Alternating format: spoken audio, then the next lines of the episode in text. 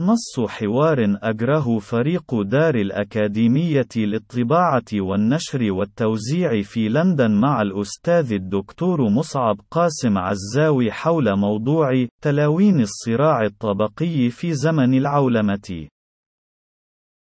فريق دار الأكاديمية كيف تنظر إلى واقع الصراع الطبقي المدمر أو المعلن في المجتمعات العربية الرازحة تحت حكم النظم الاستبدادية القرسطية بشكلها العربي وذلك القائم في المجتمعات الغربية في العالم الصناعي المتقدم ونظمه الديمقراطية الشكلية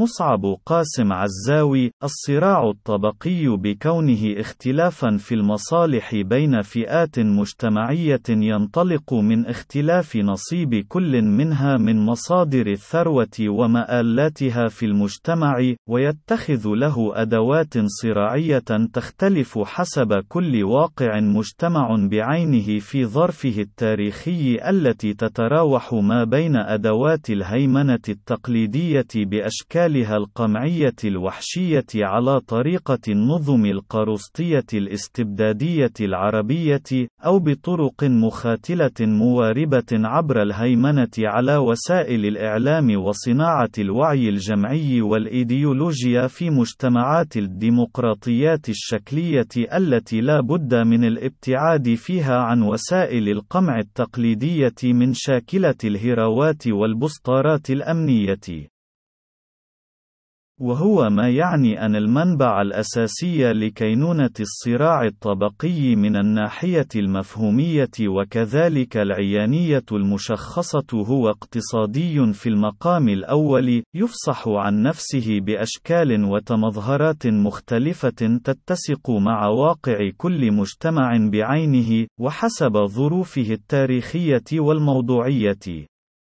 وللطرافة فإن مفهوم الصراع الطبقي وآلية التعامل معه من قبل الفئات المهيمنة في المجتمع على مصادر الثروة والسلطة والإعلام لا تختلف كثيرا بين المجتمعات الاستبدادية الفجة على الطريقة البربرية العربية، وبين تلك المزوقة المنمقة بلبسات الديمقراطيات الشكلية في العالم الصناعي المتقدم إذ على الرغم من اختلاف المظهر الشكلي بين آليات هيمنة النظم الاستبدادية على مقدرات المجتمع التي تتغول عليه اقتصاديا واجتماعيا وسياسيا، وبين الآليات المخاتلة المواربة التي تمارسها النخب المتحكمة بمصادر ومآلات الثروة في مجتمعات الديمقراطيات الشكلية، والذي قد يستقيم استعادة مصطلح مؤسس الاقتصاد الكلاسيكي آدم سميث في كتابه ثروة الأمم في تسميتهم أسياد المجتمع الذين يعملون حسب توصيفه بمبدئهم الأسمى القائل كل شيء لنا ولا شيء لغيرنا وباللغة الإنجليزية هو all for ourselves and nothing for other people فإن جوهر عمل آليات الهيمنة بين نهجي السيطرة على مقدرات المجتمع لا تختلف كثيرا في منطوقها وأدواتها وحتى طريقتها الإخراجية.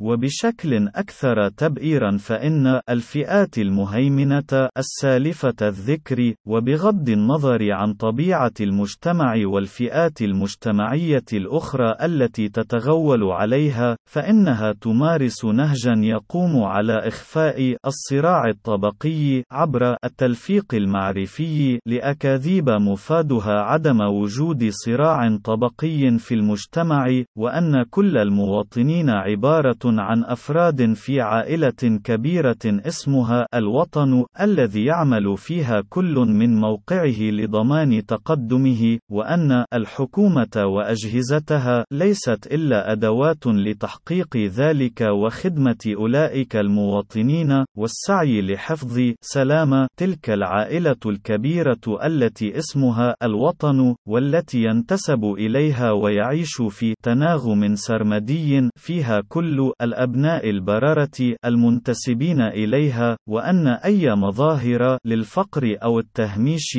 التي قد يعاني منها أي فرد في مجتمعه تعود لعدم كفاءته في الانخراط الإيجابي في نسيج تلك العائلة التي تعمل فيها كل المؤسسات الاقتصادية لتخليق فرص عمل لأولئك الأبناء البررة ورفع مستواهم الاقتصادي ودون أن يكون هدفها الأول دائما تعزيز ثروة من يملكون تلك المؤسسات الاقتصادية ويتحكمون بأرباحها الخيالية في كثير من الأحيان ويقومون بالتهرب من دفع أي ضرائب دخل تذكر عنها كما هو الحال في العالم الصناعي المتقدم أو يقومون بتهريبها إلى خارج الوطن الخلبي السالف الذكر كما في حال المجتمعات النامية الرازحة تحت الآلة الجلمودية للاستبداد والطغيان كما هو في الحالة العربية البائسة.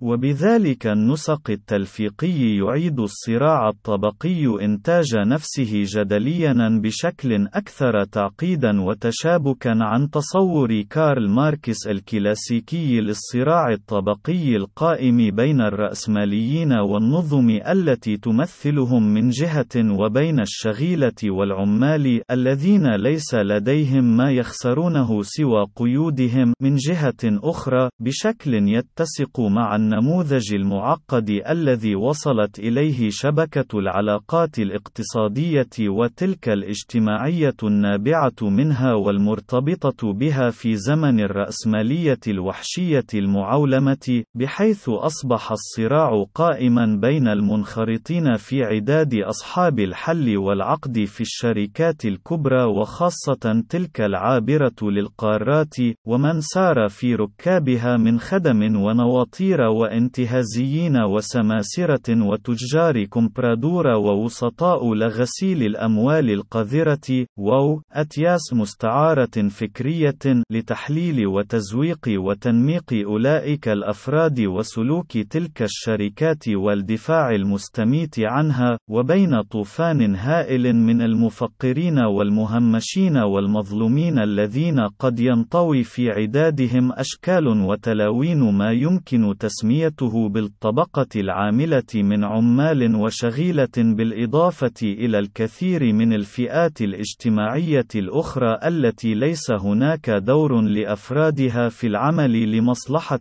أولئك السادة الأقوياء الأثرياء والتمتع بالفتات التي قد يجلبها ذلك العمل مما يلزمهم أيضا على الانخراط في لفيف طيف أولئك المفقرين المظلومين والذي لا بد بد أن يكون في عدادهم الكثير من الفئات الاجتماعية المستضعفة في المجتمع، من قبيل الأطفال والنساء والشيوخ والمرضى والعاجزين والمعاقين، إذ أنهم فئات لا قيمة لها في منظار اقتصاد السوق الوحشي ونهج عمل تلك الشركات الأخطبوطية العابرة للقارات وأفرادها التنفيذيين ووكلائهم من النواطير على شاكلة المستوى المستبدين والطغاة من حكام العالم العربي.